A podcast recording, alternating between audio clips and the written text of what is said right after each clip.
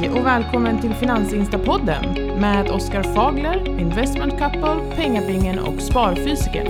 En avslappnad podd om ekonomi där du får vara med och styra innehållet.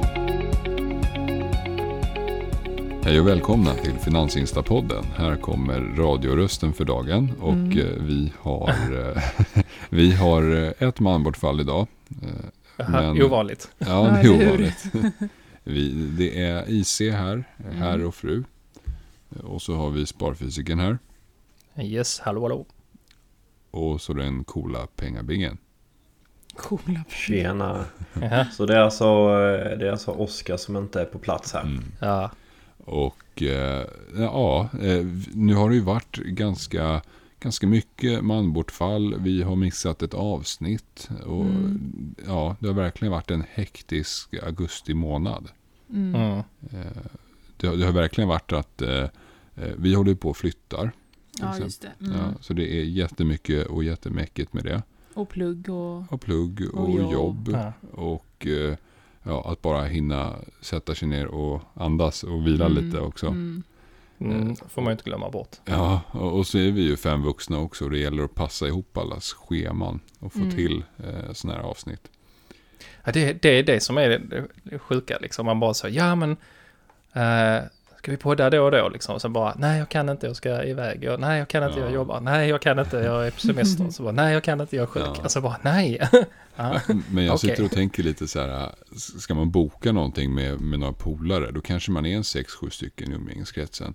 Det är Mm. alltid någon, en eller två stycken som kanske inte kan komma. Mm. ja, ja. Så Ja, kanske absolut, man bara är tre, fyra stycken där i slutändan. Och då Så- är det, ibland är det ju grejer man bokar flera månader i förväg. Ja. Det går ändå inte ihop. Mm. Och vi ska försöka göra det här varje vecka. Mm. Eh, Ja men det blir som det blir. Ja, Det är kul. Kul ändå att det liksom, det, det, ja. Det blir lite random. ja, verkligen. Ja men det är jättekul när vi får till det och vi, eh, vi en del poddar gör, de gör ju det här på arbetstid och, och de har någon studie de träffas i och sådär men Mm. vi, vi får pussla ihop det så bra vi kan. Vi med, med, med de resurser vi har liksom. Mm. Ja, kvällar, helger, så Mm. fort vi, vi är lediga. Och det är jättekul att vi sitter på helt olika platser i Sverige och, och liksom klipper ihop allting. Mm. Eh, sparfysiken, du är skitduktig på det. Mm. Ja, kul. Tack. så att, eh, och med ganska kort varsel. Ibland spelar vi in avsnitten måndag kväll och så släpps de tisdag på förmiddagen. Mm. Så att eh, Precis. det är riktigt kul att vi får till det rent eh, Mm. tekniskt. Ja. Ja. Ja, det har är- ju en del andra poddar med. De säger så här att det, det här är en produktion av och så är det något produktionsbolag och så har de någon klippare och sådär. Just det. Mm. jag tycker ändå eh, ljudkvaliteten här är ju Den har ju blivit bättre än vad den var i första avsnittet. Jaha. Tycker Oh, ja. jag. Men, Jajamensan. Men det är en konst det här att podda. Det gäller att ha micken liksom på rätt underlag och hålla rätt avstånd och, och se till så att man pratar på samma sätt varje gång. Och det är mycket att tänka på. Ja. Man var lite naiv där i början. Jag har satt min mick på en sån här eh, raggstrumpa. Typ en sån eh, julstrumpa. Är, är det för Så att den, uppnå eh, isolering då? Ja men jag hörde att om man inte gör det så kan eh, det, Står den direkt på, på, liksom på träet eller sådär så kan det Jag vet inte, det blir lite hårdare ljud eller någonting. Mhm. Kan plocka upp vib- vibrationer väldigt lätt. Ja, precis. Så och det är, ja men det märker jag här också. Jag har ju min på sån här jättesnygg arm som sitter fast på skrivbordet. Och det, var, det kändes ju jättebra när man startade sådär men då kunde man inte röra vid skrivbordet för då lät det. Mm. Så man liksom säger, aha, jag tänker om.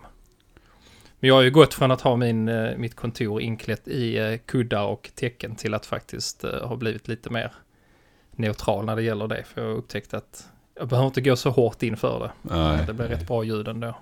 Ja, det vi har, eller det, det som vi tycker har varit en bra investering, det är det här puffskyddet vi har skaffat. Mm. Mm, För annars puffar det bara. precis. Ja. Och det, ja, men det är viktigt. Mm. Okej, Ja, ja. vad är temat för det här avsnittet? Det här är avsnitt 24 va? Mm, Mm. det stämmer. Eh, ja, vi satt ju och spånade lite vad vi skulle prata om och Mm. eh, kom på att prata om framtidens marknad, alltså börsen, börs och investeringar långt in i framtiden, hur det Mm. ser ut. Lite så här framtidssnack, Mm. tech-snack. Mm. Det här är ju jättespännande för jag Ja. tycker man Ja. har sett en del eh, filmer och sådär som är från 80-talet och så ska de utspela sig år 2000 eller Mm. år 2010 och det är flygande bilar och grejer.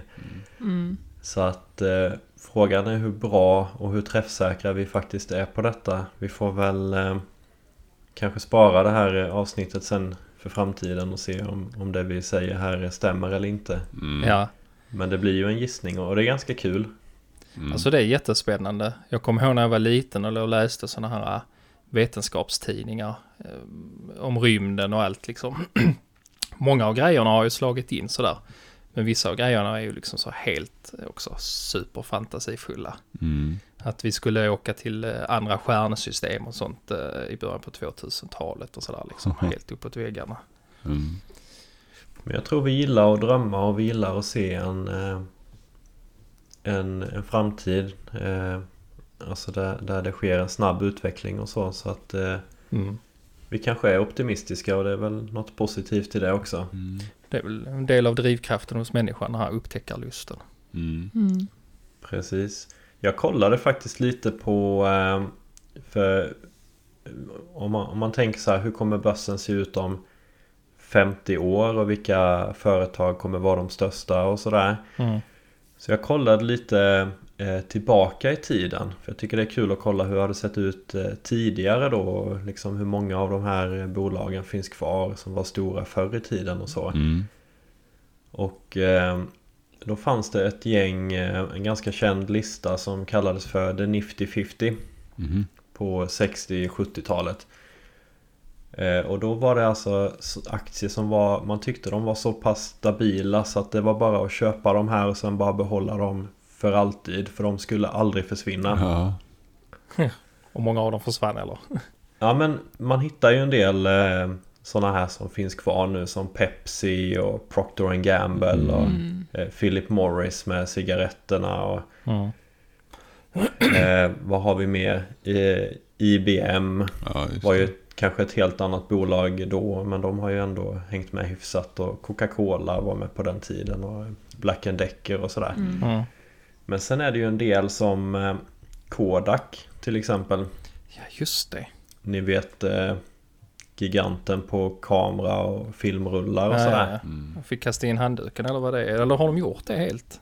I, ja, de har väl gjort någon, något nytt försök med, jag vet inte, bytte inte de, var det inte något med kryptovaluta och sånt där de Ja. hoppade på? Men ja, de har väl nästan kastat in och, och jag tror det gick ganska snabbt där när digitalkamerorna började komma. Mm. Ja. Eh, Det gick åt skogen rätt snabbt och eh, Polaroid är ett annat eh, sånt här varumärke som kanske inte är så hett längre heller. Nej. 3M då? Hur ser det ut där? Eh, De är väl kvar? De är faktiskt inte med på denna listan. Eh, Men de har ju varit med länge och en fördel för dem där är kanske att de har ju eh, ja, flera tusentals olika varumärken liksom. Så att eh, Ja, om inte, po- om inte post-it-lapparna är poppis längre då kanske något annat är det istället. Ja. Så de kan väl De byta ut... produkter, eh, ja. det, de blir väl lite som ett eh, eh, Ja, investmentbolag är eller vad man ska säga. där ja. De kan förnya sig själv. Mm. De behöver kanske Mm. inte ställa om hela verksamheten så. Ja, just det. Jo, vänta nu hittade jag dem på listan. 3M. Ja. Minnesota Mining and Manufacturing står det. Aha. Mm. Okej, Är jag, jag tänkte att de kanske det det var lite senare, 80-90-tal, men till och med på 70-talet då alltså. Ja, de är med här och eh, McDonalds är med också. Mhm. Mm. Ja. De stängde ju, McDonalds stängde ju sin äldsta Sverige-restaurang, eller ska stänga den. ja, det är väl den här mitt på Kungsgatan va? Ja. Ja, Hur kommer det sig? Är det, är det för mycket Tjänar väl inte pengar. Mm. Men jag förstår, det känns som att den alltid är full där. Jag vet inte, kanske, jag vet inte, hyror och så kanske. Det finns så många olika Ja, det finns ju redan en på. Kungsgatan längre ner och så finns det på Hötorget och lite andra. Mm. Och sen så finns det ju en massa andra konkurrenter nu som bara ploppar upp här och där. Mm. Ja. Men alltså jag tänker så, så det här med nya företag som Mm. kommer nu, hur länge de kommer att leva. Undrar då för 50 år sedan hur det var vanligt att starta företag då. Mm. Alltså nu är ju, nu kan vem som helst göra det hemifrån med en dator. Ja, Mm. men alltså vi ser en tydlig trend att det är helt annan typ av bolag som är enorma och stora nu än då. Ja, Och då har det att göra det här med liksom internet eh, och teknologin. Det är den här skalbarheten att man kan kopiera någonting väldigt många gånger och göra det väldigt snabbt. Och, Ja. Mm. Och till... För de här stabila grejerna, alltså de här äh, sakerna som alltid finns, mat och eh, ja, allt det här, Coca-Cola och alla dem, men de följer ju också med i tekniktrenderna ju. Alltså Mm. ut, utveckling av deras produktionslinjer och så. Mm. Men det är liksom, Ja, jag känner att det precis. finns väl en gräns för hur långt till exempel Coca-Cola kan nå med sitt företag. Kan de tillverka något annat än Coca-Cola? Eh, Mm. Nya drycker liksom. Nej, och de kanske inte behöver göra det heller. Alltså de har ju juice och vatten och, och sådär också. Men Mm. eh, Mm. har man en, så, så pass eh, stark produkt så kanske man inte behöver eh, den här innovationen heller. Och Nej. Det kan ju vara en styrka också att man kanske inte kan bli disruptad eh, på det sättet som IBM till exempel blev. Eller, eller Polaroid eller Kodak. Eh, Går man tillbaka 30 år i tiden då var det ju eh, företag som eh, ExxonMobil, eh, Chevron och så vidare. Alltså oljebolag som var stora och då kanske man Just det. tänkte att ja, men, man kommer alltid behöva tanka bilen liksom. Mm. Ja. Och nu är det Men, på väg eh, bort.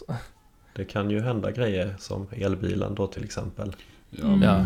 Man vill ju nästan eh, veta vad som kan hända för att vi ska bli av med Coca-Cola. Vad uppfinner vi då? Ja, precis. Men, men, Nej, men det- Ba- ja. Buffett har väl sagt det också att eh, om någon skulle ge honom vad sa han, 20 miljarder dollar eller något sånt här Mm. för att starta ett nytt eh, eh, Alltså försöka ta Coca-Colas marknadsposition så hade han bara lämnat tillbaka pengarna och sagt att det går inte. Jaha, Är det inte, Ja. Dricker inte han en cola om dagen? är inte det bara en sägen? Nej men alltså jag menar inte bokstavligen men Eh, nej, jag tror mer att han har Coca-Cola på sina presskonferenser för att pumpa kursen. Ja. ja. Mm, han har ju alltid det när han snackar har han ju alltid en Coca-Cola framför sig. Ja, Så men, jävla smart, så jävla taktiskt. Men var det, var det Cristiano Ronaldo som... ja, just det. Han, han ställde väl ifrån Var det kolan. cola? Mm. Och kursen typ gick ner lite. Var det inte så? Nej, men var det inte så Eller- att det var X-dag då va? Ja, Jo, Ja, Så- precis. Det var det. X-dag och Mm. folk sa att det var Ronaldo som tankade Mm. kursen när det Men det egentligen var var X-dagen. Att Ah, den okej. sista dagen det handlas med rätt utdelning. Liksom. Mhm. ja, tidningarna fångade upp det där Ja, och det. fick det att låta som Fake att det var Ronaldo som det. hade Ja. Men då tänker man näst, sa nästa att man gång han gör en sån grej. Mm. Så, så kan det ju verkligen ske då eftersom media har hypat upp det. Ja, det var mycket Så det skriverier kan ju om mycket det. väl få de konsekvenserna. Mm. Men var det inte någon, någon fotbollsspelare som ställde iväg en Carlsberg va? Öl. Eller något liknande. Och då gick kursen upp istället. Ingen Jag, aning. jag vet inte, jag kanske bara liksom fabulerar här nu. Ja men det var någonting med Pogba i eh, franska landslaget också. Han, jag vet inte om det var en Coca-Cola eller om det kanske var en Carlsberg han flyttade på. Men det är ju ett helt sjukt intressant fenomen det där. Alltså om vi tittar då, som du sa där, Bingen, 30-50 år bakåt i tiden. Så hade vi ju inte internet och eh, sociala medier på det sättet som vi har idag. Nu kan ju allting ske på några minuter. Mm. Just det här med eh, vilken eh, impact annonser och eh, då en, någon som Ronaldo då eller någon gör någonting Mm. som kan påverka marknaden väldigt mycket väldigt fort. Så såg Ja, det inte ut förr på det sättet ju. Mm. Ja, information sprids ju mycket snabbare och eh, vi Okej. blir ju produkterna eh, på Facebook, eh, Google och så vidare att vi eh, matar in våra uppgifter och de kan se vad vi söker efter och de vet Mm. allting om oss Mm. och de vet allting om vad, vad vi, vilka vi är kompisar med och så vidare så de kan ju rikta annonser också och påverka oss på det sättet. Mm. Och sen har vi ju helt annan tillgång till investeringar idag än vad vi hade då för 30, 40, 50 år Ja, sedan. eh, Så vi kan ju hur påverka ser det. börsen ut då om 50 år? Vad säger ni? Alltså jag tror vi kommer ha kvar den här grund, den börsen som vi har i grunden idag med fonder och investmentbolag och, och hela den biten. Men, och, och nu är vi i något slags skifte. För när jag var i 20-årsåldern så var det inget snack om eh, att gå in och börja investera på det sättet. Då var det liksom om mamma och pappa hade satt undan pengar till en fond. Att man gick det, den vägen. Men jag tror det var, kommer vara otroligt vanligt, gemene man. Det kommer vara som...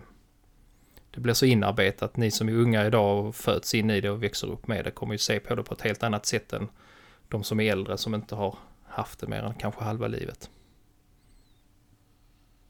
Jag vet inte. Ja, nej, men jag håller med och jag vet inte. Jag tycker det är så svårt att gissa.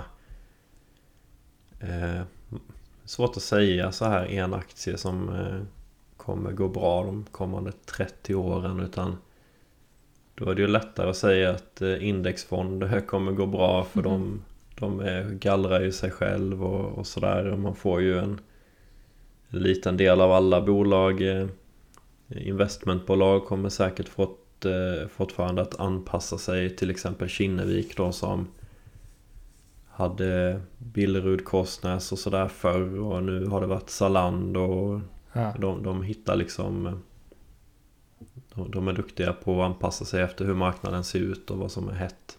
Mm. Men tror du vi kommer ha de här grund, grundbörsen som vi har nu, de här klassiska med aktier och fonder och sen det här med vi börjar ju se mycket alternativa investeringar. Det är de här, vad heter de, NTF och, och kryptos och mm. Heter det NTF? NFT? NFT, Non-Fungible Tokens ja. Ja, precis. Du ser, jag är 40 år gammal. ja, vad är grejen med det? En, Boomer. Små, små. Eh, bilder på apor eh, som går för 50 eh, miljoner dollar och sånt där. Masshysteri. Är det jag, är jag som är gammal eller jag fattar inte. det är bara ja, men det är ju en del av utvecklingen på börsen. Någon hade köpt en sån här för 4 miljoner dollar. Och sen delat den i, mindre bitar på något sätt digitalt då. Eh, och, och sålt den. Och nu var den värd eh, var det 160 miljoner dollar istället. Alltså, ja.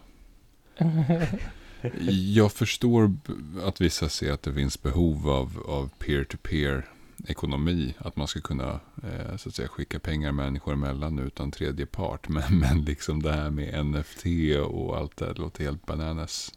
Tycker jag. Ja, alltså det, men så är det med nya grejer. Vissa ja. grejer kommer att dö ut, vissa kommer att stabilisera sig och sätta sig och bli det nya normala mm. på något sätt. Vi har ju alltid Jag de kan... klassiska investeringarna. Det är som börsen och sen så är det då konst och folk som samlar och investerar i frimärken. Alla de här gamla mm. klassiska. Sen så har vi den ja. nya tidens konst och frimärken och allt. Och det är ju då de här elektroniska grejerna och eh, Ja, men mm. jag, tror, jag tror det kommer mm. att få stanna helt klart. Mm. Jag tänkte säga det, det kanske inte är konstigare med NFT och sånt där egentligen än vad det är med konst. Konst förstår jag mig inte heller på. Eh, mm. eh, men jag kan förstå att det är en, en känd konstnär och sådär. Här verkar det ju vara eh, någon, någon som bor i källaren någonstans som sitter och trycker upp 10 000 sådana här apor och sen... Ja, ut på nej, jag vet inte. Jag, jag, Ja, jag ja. förstår inte. Mm. Men det, alltså jag ser det ändå, vi ser ju redan nu den här förändringen som vi har haft med internet och smartphones och allting. Vi har ju haft eh, all disruptive tech. Det är ju liksom, det är ju nya investeringsmöjligheter som har dykt upp. Och allt, allt fler saker kan du investera i idag gentemot i förr. Du kan investera i nästan allting idag. Jag tror att det där kommer elda på rätt rejält så att, och bli mer lättillgängligt för gemene man. Mm. Så att du kan gå in och investera i precis allting. Du kan till och med idag när du bygger och sätter upp en laddbox så kan du grannen få en sån här RF, RFID-bricka och mm. ladda och så kan du ta betalt av grannen. Mm. Bara en sån sak är ju, det är ju också en del, det är ju också en investering ja, för vissa. Sånt där kommer det nog bli mycket. Eh, mm.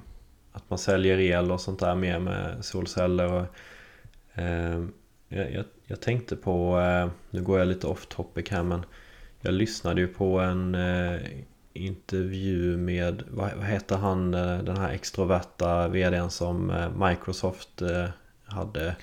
Ja, Ballmer Steve, Ball, Steve Ballmer. Har ni sett han? Han är ja. helt galen ju. Ja. Vilken energi han har. Mm. Uh, jo, och så sa han där när iPhonen kom, den första iPhonen. Så sa han att det var det sjukaste han hade sett. För den var ju, dels var den, den absolut dyraste telefonen.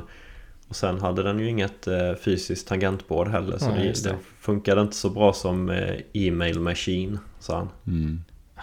Herregud. Ja. Och jag menar vem, vem kunde tro att man skulle kunna ha en eh, kamera i en telefon och Mm. sånt där. Mm. Om man går tillbaka 20 år. Alltså, Jag kommer ihåg när jag, jag fick se innan iPhone hade kommit till Sverige så hade jag en kompis som på något sätt hade lyckats få tag i en.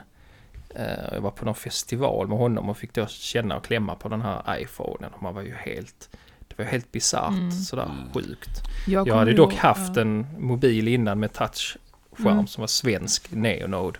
Men det här var ju liksom något helt, på ett helt Mm. annat plan. Jag skulle Sjukt precis säga det. Jag kommer ihåg när man såg den första touchtelefonen. För innan Mm. hade man ju bara de här med knappar. Och det var Mm, liksom ja. helt sjukt. Mm. Ja, ja, det, nej, det var häftigt. Ja, om vi nu, Nu ska ju- spåna 50 år fram. Om vi nu liksom ska sitta här och gissa lite grann. Då, Mm. eh, så, så, så jag tror att mänskligheten har kommit så långt att vi har någon form av bas på Mars. Kanske inte liksom att vi bor där riktigt, men vi har någon bas likt det vi har Mm. på internationella rymdstationen. Mm. Eh, och sen så att vi Så har coolt. mycket mer liksom, verkligen så här, typ börjat bosätta oss på månen och börja verkligen planera för att här kan man bo. Mm. Och sen så rent tekniskt så tror jag verkligen att vi kan nog kommunicera mycket med tankar. Typ starta bilen, eh, svara på ett meddelande och sådär. Mm. Ehm, Inte alls omöjligt. ja, och sen att transport blir väldigt, väldigt enkelt. Allt är automatiserat. Jag Det går liksom det. jättefort att Mm. sätta sig i ett fordon och du åker 200-300 km i timmen dit du vill. Mm. Ehm, och sådär. Kollektivtrafiken blir alltså snabbare. Mm. Ja, men det blir någon slags motsvarighet till kollektivtrafiken fast... Ja. Och att vi får anti-urbanisering. Att vi liksom bor med större avstånd. Därför att färdas större avstånd numera inte eh, är så svårt längre. Mm. Mm. Så jag tror liksom att vi sprider ut oss mer. Ja, Mm. Det låter inte helt omöjligt faktiskt. Mm. Det där med rymden är ju väldigt spännande och där finns ju en hel del redan nu man kan investera i, Mm. i eh, rymdbaserade företag så att säga, eller som inriktar sig på rymden. Så att, Mm. Jag, jag är en verklig så här rymdnörd sen jag var Ja. liten. Så, så att jag är väldigt Ah. optimistisk vad gäller det. Men, men jag tycker det låter som ganska realistiska tidsplaner förutsatt att man verkligen liksom sätter och fokuserar på det framöver och allokerar Mm. pengar till just det. Och jag tror att det kommer bli mycket mer intressant ju mer vi fortsätter förstöra vår planet tyvärr. mm, Eh, Att leta efter alternativa lösningar faktiskt. absolut. Mm. Ja, alltså, nej, jag, jag drömmer och hoppas att jag får leva och se Mm. eh, må- månbaser och baser på Mars och så här. Jag tycker det är så jävla fränt. Mm. Det. Absolut. Ja, nej, det var intressant hur det kan se ut längre fram. Men eh, alternativa investeringar då? Alltså, som vi, så som vi har det idag så har vi en stor marknad som jag sa, man kan investera i massa olika saker. Mm. Eh, så kommer man då in, först, det första man tänker på, i alla fall jag tänker på, är ju kryptovalutor. Mm. Och jag tror själv att det är här för att stanna. Mm. Eh, Det är liksom... Där är en, vi lever i en era nu där det sker väldigt mycket, men någonstans kommer det stabilisera sig. Mm. Mm.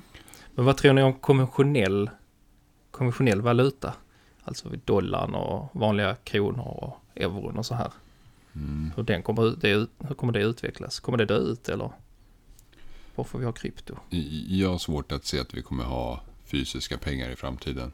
Mm. Eh, Mm. Sen om det kommer vara i formen av krypto eller någon form av annan digital valuta, det är svårt att sia om. Eh, Mm. m- Men jag tror definitivt att det kommer nog, allt kommer vara digitalt. Eh, Man kommer liksom kunna föra över pengar och ta emot pengar med ett armband eller ett chip eller liksom sin mobiltelefon eller vad som helst. Eh, Precis. Ett något kort man har i plånboken. Mm. Ja, alltså, ja, precis, ja, det kan ju vara ännu smidigare än så liksom. Eh, Ja. Att, att, eh, med någon form av bankidé liksom. Eh, Mm. Att det kommer vara jättelätt Mm. sådär.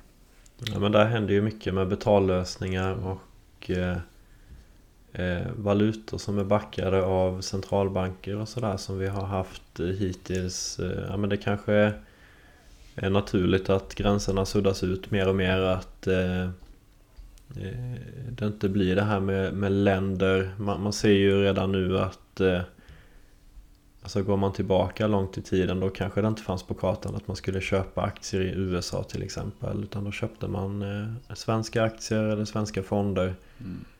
Men det där är ju mycket mer nu att man kan köpa aktier eh, på alla möjliga olika marknader och eh, även kryptovalutor och så vidare. Så att eh, det kanske blir att, eh, ja, att vi kommer handla med andra valutor också som inte är backade av eh, centralbanker. Ja. Mm.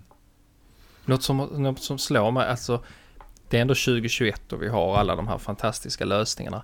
Varför ska det ta så lång tid från det att man lägger in en räkning tills att eh, mottagaren har fått in den?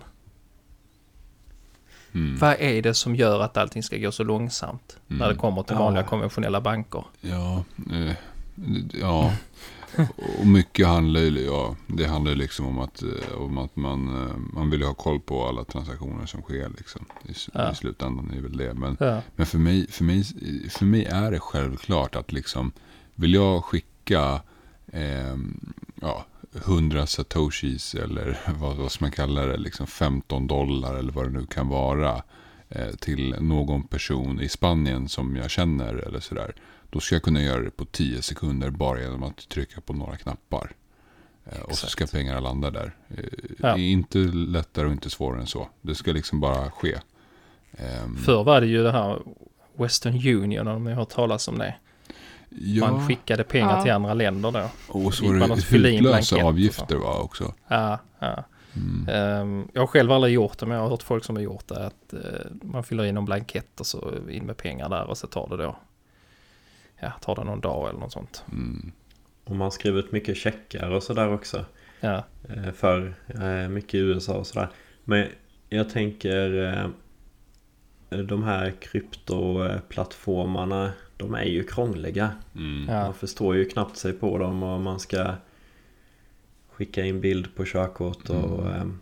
det, man förstår knappt hur man Mm. köper och jag tycker det är ganska svårt. Så att om till exempel Facebook eh, skulle Integrera. bör- börja mer med sånt här och Mm. ta alla sina användare på Facebook, Instagram, Whatsapp och liksom Mm. göra trygga, säkra, enkla överföringar. väldigt Problemet med det blir ju att det förstör ju lite syftet med kryptovalutor.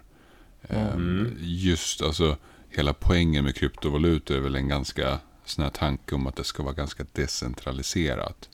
Och i det Precis. fallet så blir det ju lite paradoxalt därför att Facebook är i högsta grad centraliserat. Alltså det blir ju ändå liksom ett privat företag. Som då helt Men bryr sig, bryr sig folk om det så Nej, jag vet. Nej, nej, men det gör nog Folk lägger ju sannolikt- upp bilder på sina Precis. barn och alltså, Men, men vi har fortfarande de där människorna som kanske inte vill skaffa Facebook-konto av integritetsskäl eller sådär. Så att ja, det är svårt att nå alla delar av befolkningen den här vägen också. Eh, Så, att eh, absolut, det ligger mycket i det du säger. Men, men då blir det istället att man lämnar över det ansvaret till Facebook snarare än till sin konventionella bank. Det blir ju lite, Mm. lite det, först, eller det, ja, det förstör lite syftet med, med, med varför många egentligen vill använda kryptovalutor och varför man liksom föredrar det. Sen så, ja, sen så går det att diskutera fördelar och nackdelar med centralisering och decentralisering och så. Och det är ju jättespännande diskussioner. Eh, Ja, ja, det, vi skulle kunna ha ett helt Ja. avsnitt om det. Men jag tänker samtidigt att det finns säkert en hel del som har Facebook som inte kanske har ett bankkonto. Mm. Eller där man verkar Ja. i länder där det inte är, Precis. är så enkelt för vanliga befolkningen att eh, ha, ha pengar eller eh, Mm. Så är det ju med eh, allting Det ju, finns att en, vissa en värre kontroll kanske i vissa länder än vad, vad eh, man tycker att Facebook har i så fall. Så att, eh, Mm. Det är flera Ja, aspekter. men det, det är spännande. Det, det, det, där är, det är ju liksom, det, så är det med allting. Vissa har tillgång till det, vissa har inte tillgång till det. Mm. Sen Ja, men- är det också det som jag nämnde innan med generationsskiften. Alltså vi har ju de som är pre, eller alltså innan de som är lite äldre som våra föräldrar och, och äldre som inte liksom hängde med när Facebook och Instagram och allt det här kom. Eh, sen så är det som, sådana som jag som var ung vuxen när det kom och har tagit det till sig ordentligt och kan allting och så. Sen är det ju de som föds efter det har kommit. som växer in i det på ett helt annat sätt. Det är ju Mm. helt naturligt. Mm. De, min, min dotter idag vet ju inte vad ett kassettband är. Mhm. Jag lyssnade ju på kassettband när jag var liten. Sen kom MP3 och jag anammade det. Mm. Idag är ju det Spotify som gäller. Det finns ju inget annat liksom för henne mer än det. Det är Mm. liksom, så, så är det. Just det, Så det är ju de aspekterna också. Spännande värld. verkligen. Ser vi flygande bilar, vad tror ni? Nej. Ja, absolut. Va? Jo. Nej, men jag tänker bara liksom, det hade ju funnits nu om det var möjligt. Jag, jag tror vi ser det, Ja, men... men- att de bara opererar i form av autopilot. Vet ni vad Men- grejen men det är? Finns, Är inte eh, det finns ju i, i, i? Dubai. Har ni sett de här flygande robottaxi eh, Ja, i, i Så Dubai? vill. Nej. Men alltså problem, problemet är ju inte, jag, jag lyssnar på någon podd, återigen, jag är ju fysiknörd och så här vetenskap. Uh, det var väl någon fysiker som, som pratade om, ehm, de byggde någon jättestor, uh, uh, för att detektera någonting, uh, ja, någon, någon fysikgrej. Uh, det är så inom fysikvärlden att för att detektera någonting litet så måste du bygga någonting stort. Mm. Ju mindre du ska titta på desto större måste du bygga det. Mm. Um, Nu hänger jag inte det. alls med här men, men fortsätt. Ja, men... Eh, det, det, eh, jo, jag upprepar mig. Ska man titta på någonting väldigt litet så måste man bygga något väldigt stort. Och då tänker du Det på CERN med- till exempel. Ja, det har med energi att göra så jag behöver inte gå in mer på det. Men han sa det att det är inte fysiken eller kemin eller något sånt som sätter gränserna överhuvudtaget. Det är tekniken. När vi bara kommer över de här teknik, tekniktrösklarna så löser sig resten.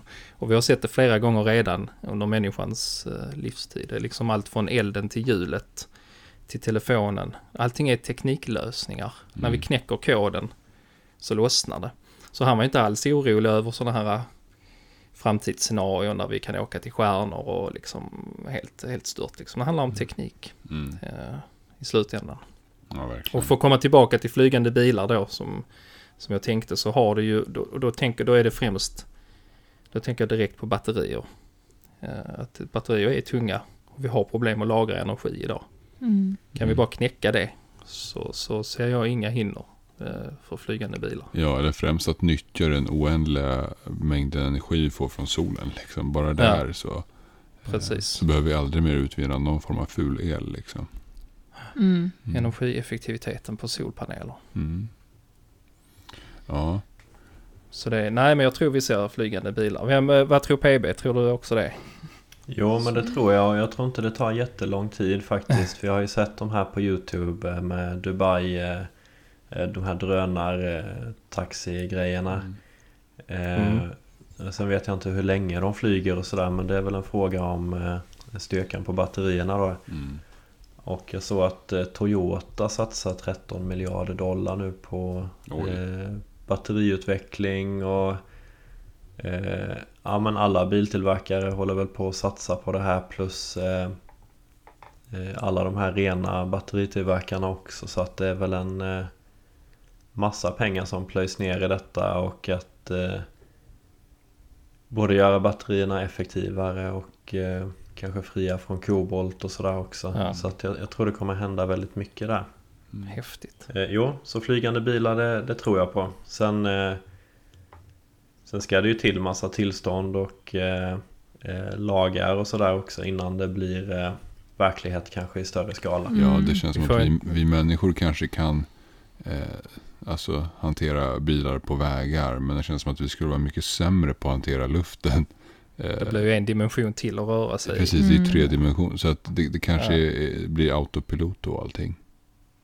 Ja, precis. Mm. Det är nog inte helt omöjligt. Jag tror nästan all transport kommer vara på autopilot i Ja. framtiden. Ja. Ja. Jag- Jag tror att många bilar. som föds nu aldrig kommer ha ett körkort faktiskt. Ja, men precis. Det är det jag menar lite. Alltså, för, för mig som har haft körkort i 20 år så Mm. har jag svårt att... Ja, men jag tycker det är coolt sådär självkörande bilar, men jag vill ju ändå köra själv lite så här. Mm. Eh, Du men vill de köra din föds- sån amerikan, amerikanare. Cadillac 56. Och Ja, precis. Med Nej, en så eh, att... rak 8 motor. Ja, Mm. ja, det är grejer det. Nej, men så de som föds idag då, de, för dem är det inte alls något konstigt att självkörande bilar, vadå, det är väl Mm. klart att man släpper ratten när man åker till jobb. Liksom. Ska Något jag som hade varit coolt mig? är att veta hur det ser ut för Tesla i framtiden. Mm. Och med deras Ja. robotar och allt som de håller på med. Dominerar jorden Ja, fullständigt. typ. Ja, det, det var ju någon, någon rolig rubrik. eh, Jag tror att Oscar skickade den här om dagen. eh, Där, från 2015. Där Elon Musk eh, sa att Tesla kommer vara värt 700-800 miljarder dollar 2025. Eh, Och nu är bolaget redan värt så mycket 2021 redan. Ja. Eller nådde det 2020 till och med. Eh, Det är otroligt eh, att se vad som kan hända i framtiden. Eller om det bara Mm. floppar. Det blir jä- jättekul att följa. Just Tesla. Precis. Ja, det är väldigt intressant. Jag tänkte på det här också med eh, alla skärmar vi kollar in i eh, datorer, mobiltelefoner, Mm. tv-apparater och så vidare. Eh, Jag hörde Mark Zuckerberg prata om det där att det kanske inte riktigt är så där vi egentligen ska göra. Att alla ska sitta och kolla in i sina skärmar flera timmar varje dag. Mm. Så de satsar ju mycket på det här med AR och att, att bygga någon typ av eh, metaverse heter det ju. Ja, Mm. just det. Parallell digital värld. Eh, där man kan träffas istället eh, för att sitta och skriva till varandra på, på telefonerna. Ja. Ja, det, det är med intressant tycker jag.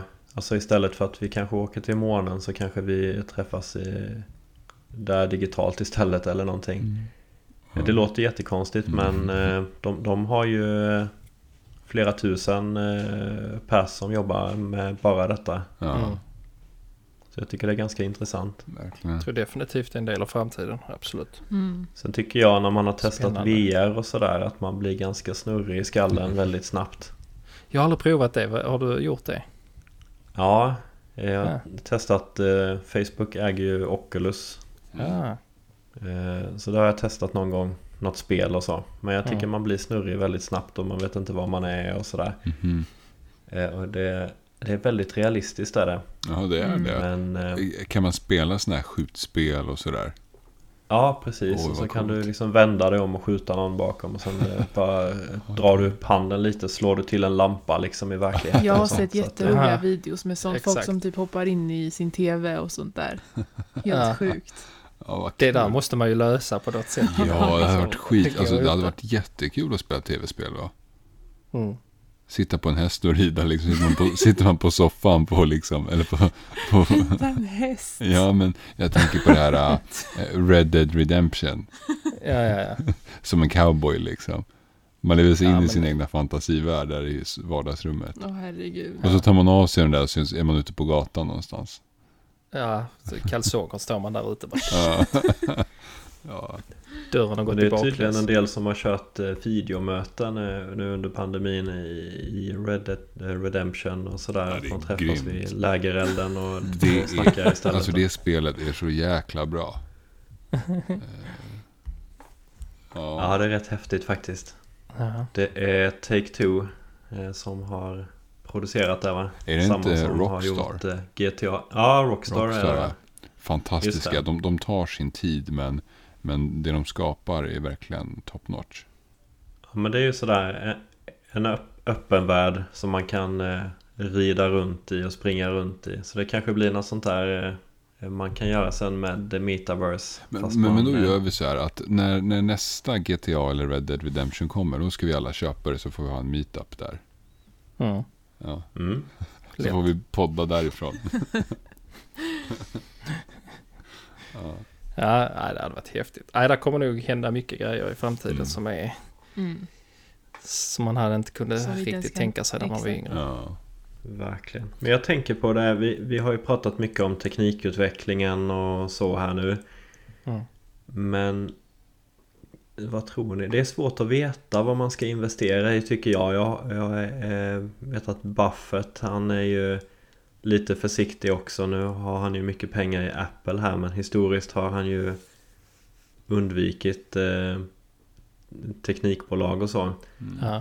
Just av den anledningen att det är väldigt svårt och eh, Han är ju väldigt långsiktig och liksom vad ska man satsa på då? Man vet ju inte vad som kommer bli nästa grej och så. Mm. Eh, Men kan man investera i sånt som inte förändras eh, så mycket?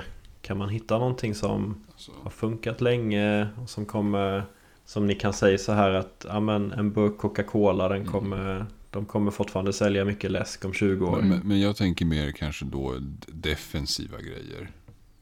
Eh, Det är som att det är primärt teknikutveckling. Men, men säg, Allting är ju beroende av teknik. Alltså allting. Alla tar ju hjälp av tekniken idag. Mm. Titta Ja. på bönderna. De har ju eh, många. Det finns ju liksom automatiserade ogräsplockare. Som tar sig fram på åkrarna liksom. Och det är Mm. liksom b- en bonde. Det är ett av världens äldsta yrken. Mm. Och till och med där liksom är det.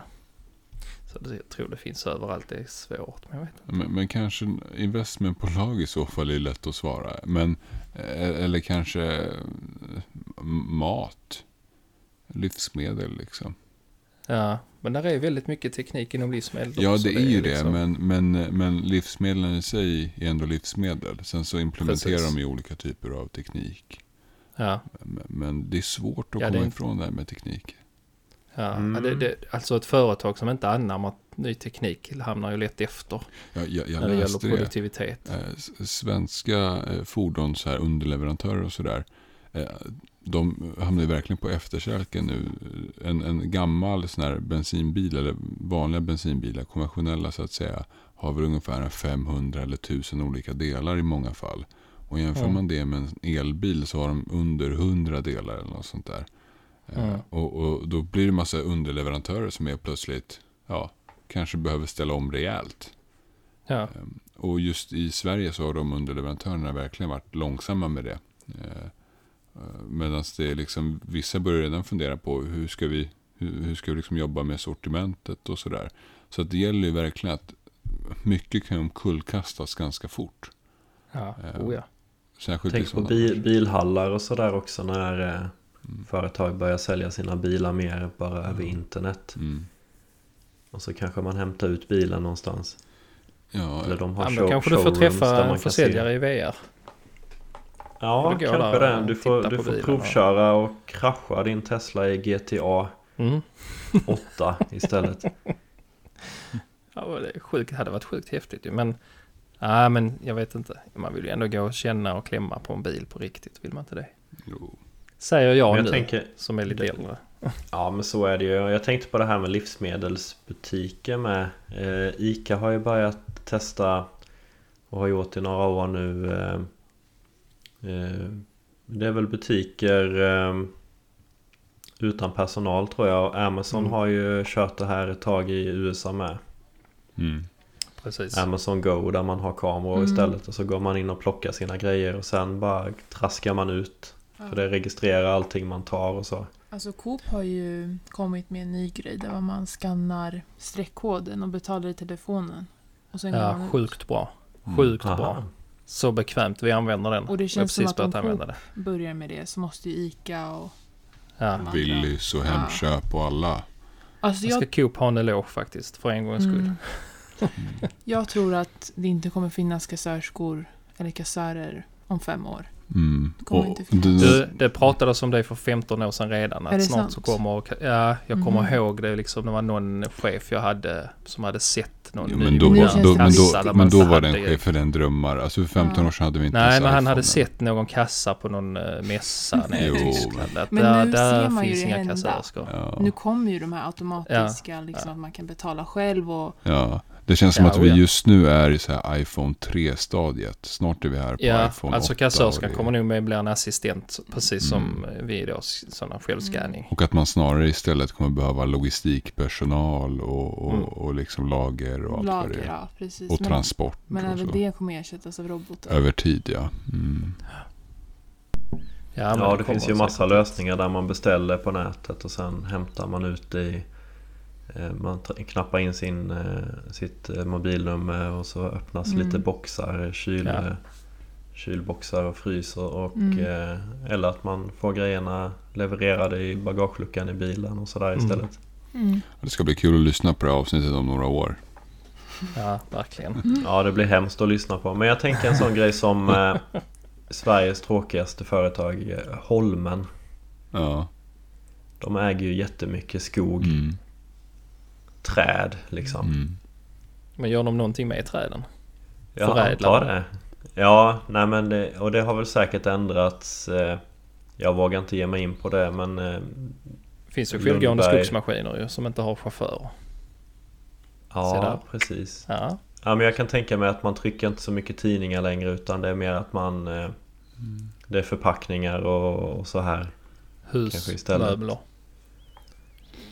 Ja, Ja, ja men jag, man bygger väl mer i trä. Man bygger rätt mycket eh, förnybart. eh, mm. Kanske mindre i sten och sådär. Jag vet, jag vet inte riktigt men eh, Skog borde väl vara stabilt. Jag tänker bostäder också. Mm. Man behöver ju någonstans att bo. Ja, Ja. just det. jo så är det. Om inte Men det allting kommer något påverkas som... i slutändan ändå av teknikutvecklingen på något sätt. Ja, om inte vi, Vi är får så någon himla integrerade. Jättedisruptive grej som bara förstör hela bostadsmarknaden och gör så att folk kan bo jättebilligt och jättebra. Ja, Ehm, och att man kan bygga en massa enheter. Jag vet inte vad det skulle kunna vara, men det kanske skulle kunna vara. Så att, det känns som att det mesta kan disruptas av teknik, bara man är kreativ nog.